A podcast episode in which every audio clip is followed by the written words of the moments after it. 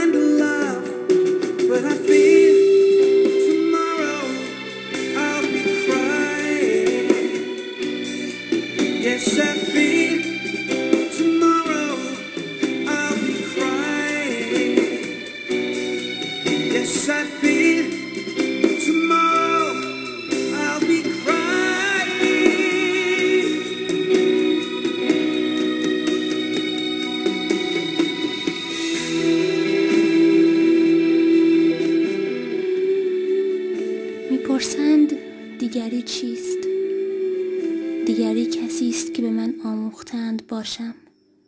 اما من نیستم.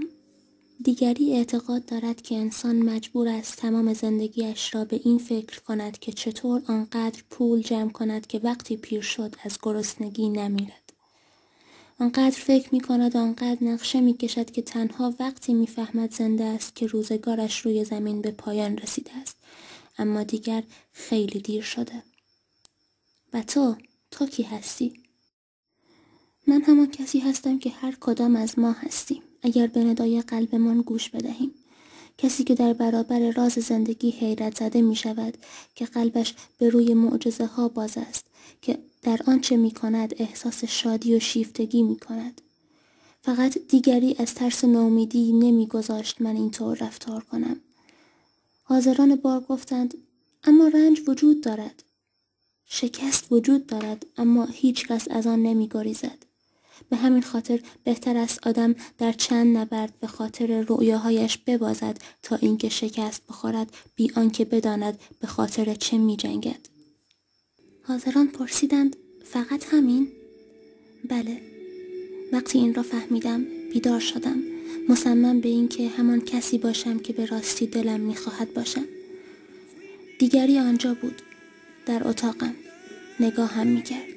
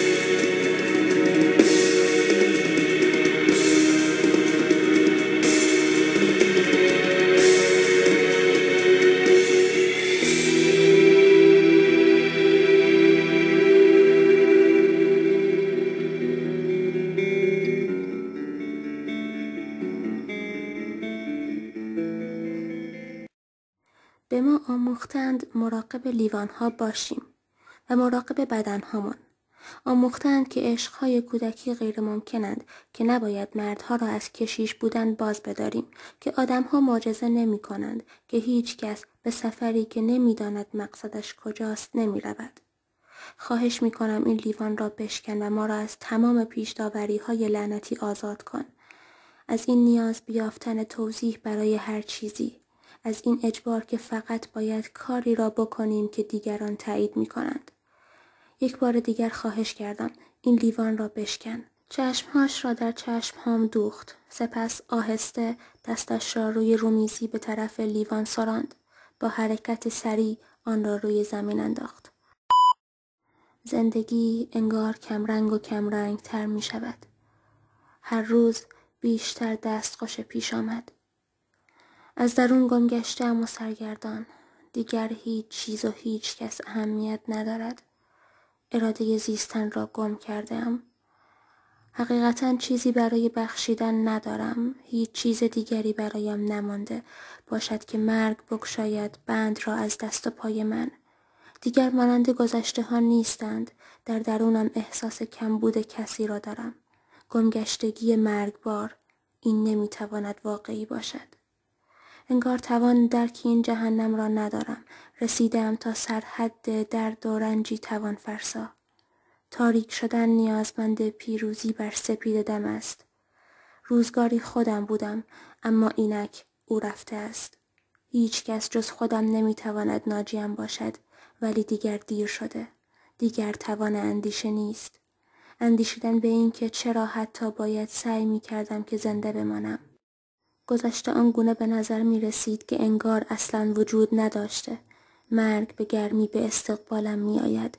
اینک تنها می گویم بدرود. تو می ترسی به حرفات گوش ندن. سخت می تونی توی چیزی با کسی شریک بشی. آتش قدرت داری و از پس همه چی برمیای و از اینکه کسی فکر کنه بهش احتیاج داری میترسی هر چیز هیجان انگیزی رو دوست داری موسیقی رها شدن تو ارتفاع هر شن ازش میترسی هیجان رقابت یا بدن یک زن و من عاشق شجاعت و ماجراجو بودن تو هم فارغ از هر عقیده پر ادعایی تو توی بهترین حالت روحیت پر از شور زندگی هستی. مهربونی و اهل رقابت و چالش. همه ی زیبایی های زندگی رو ستایش میکنی ولی توی بدترین حالتت به خودت و تواناییات شک داری. بیدقت و بیملاحظه ای کسی نمیتونه ازت سر در بیاره. حتی اگه به احساسات کسی صدمه بزنی هم برات مهم نیست. تو میخوای آروم پیش بری ولی من میبینم که داری عشقت رو فریاد میزنی. تو دوست نداری طبق قواعد کسی پیش بری؟ منم همینطور. تو حسود و زود رنجی. منم همینطور. من نمیدونم. همیشه عادت دارم لحظه های خوبم رو با فکر به اینکه زود تموم میشه تباه کنم. من تباهم. میترسم ازم سوء استفاده بشه. با این وجود میرم توی عمق خطری که ازش مطمئنم. من به اندازه تو روانیم. ولی دوست دارم تو برام ثابت قدم و حمایتگر باشی. البته در وهله اول دوست دارم که دوستم داشته باشی. برای به دست آوردنم تلاش کنی و باید بدونی که چقدر برام سخته که بدون دیدن هیچ تلاشی از تو دوستت دارم. این حس ممکنه به نفرت تبدیل شه. مرز باریکی بین این دوتاست. اینکه دوستت دارم ولی کارایی کردی که باعث میشه ازت بدم بیاد. باعث میشه نخامت میشه در عین حال که یکی رو دوست داری ازش دست بکشی من از قد نشناسی بدم میاد اگه به هم استرس بدی ازت بدم میاد اگه منو مجبور به کاری کنی ازت متنفر میشم تو همه این کارا رو کردی حالا من دیگه از تو ناراحت نیستم ازت ناامید شدم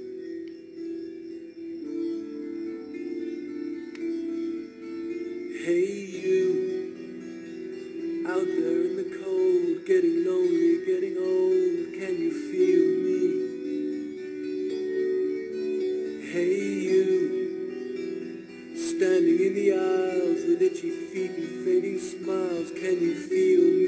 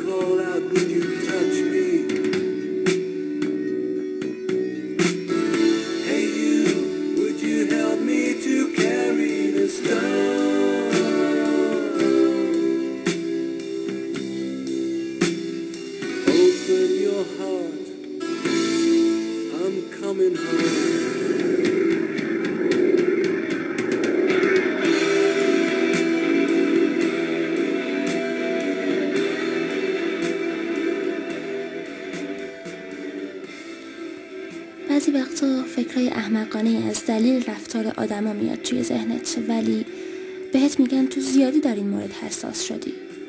چه حسی پیدا میکنی وقتی بعدا بهت ثابت میشه که فکرت درست بوده؟ لازمه بگم همیشه احساساتتون رو نسبت به خودم میفهمیدم. هر کسی یه چیزی داره. داشته منم فهمیدن سریع و درکی حس بقیه است. رفتار آدما و حرفاشون جلوی چشمم و ذهن من واضحتر از اونیه که بهش فکر میکنیم همش رو میبینم هیچ وقت نگفتم به رفتار قبلیم باهاتون ادامه دادم ولی همیشه از ذهنیت پشت حرفتون خبر داشتم این هنوز شما رو نگران نمیکنه چون هنوز به این قدرتم باور ندارین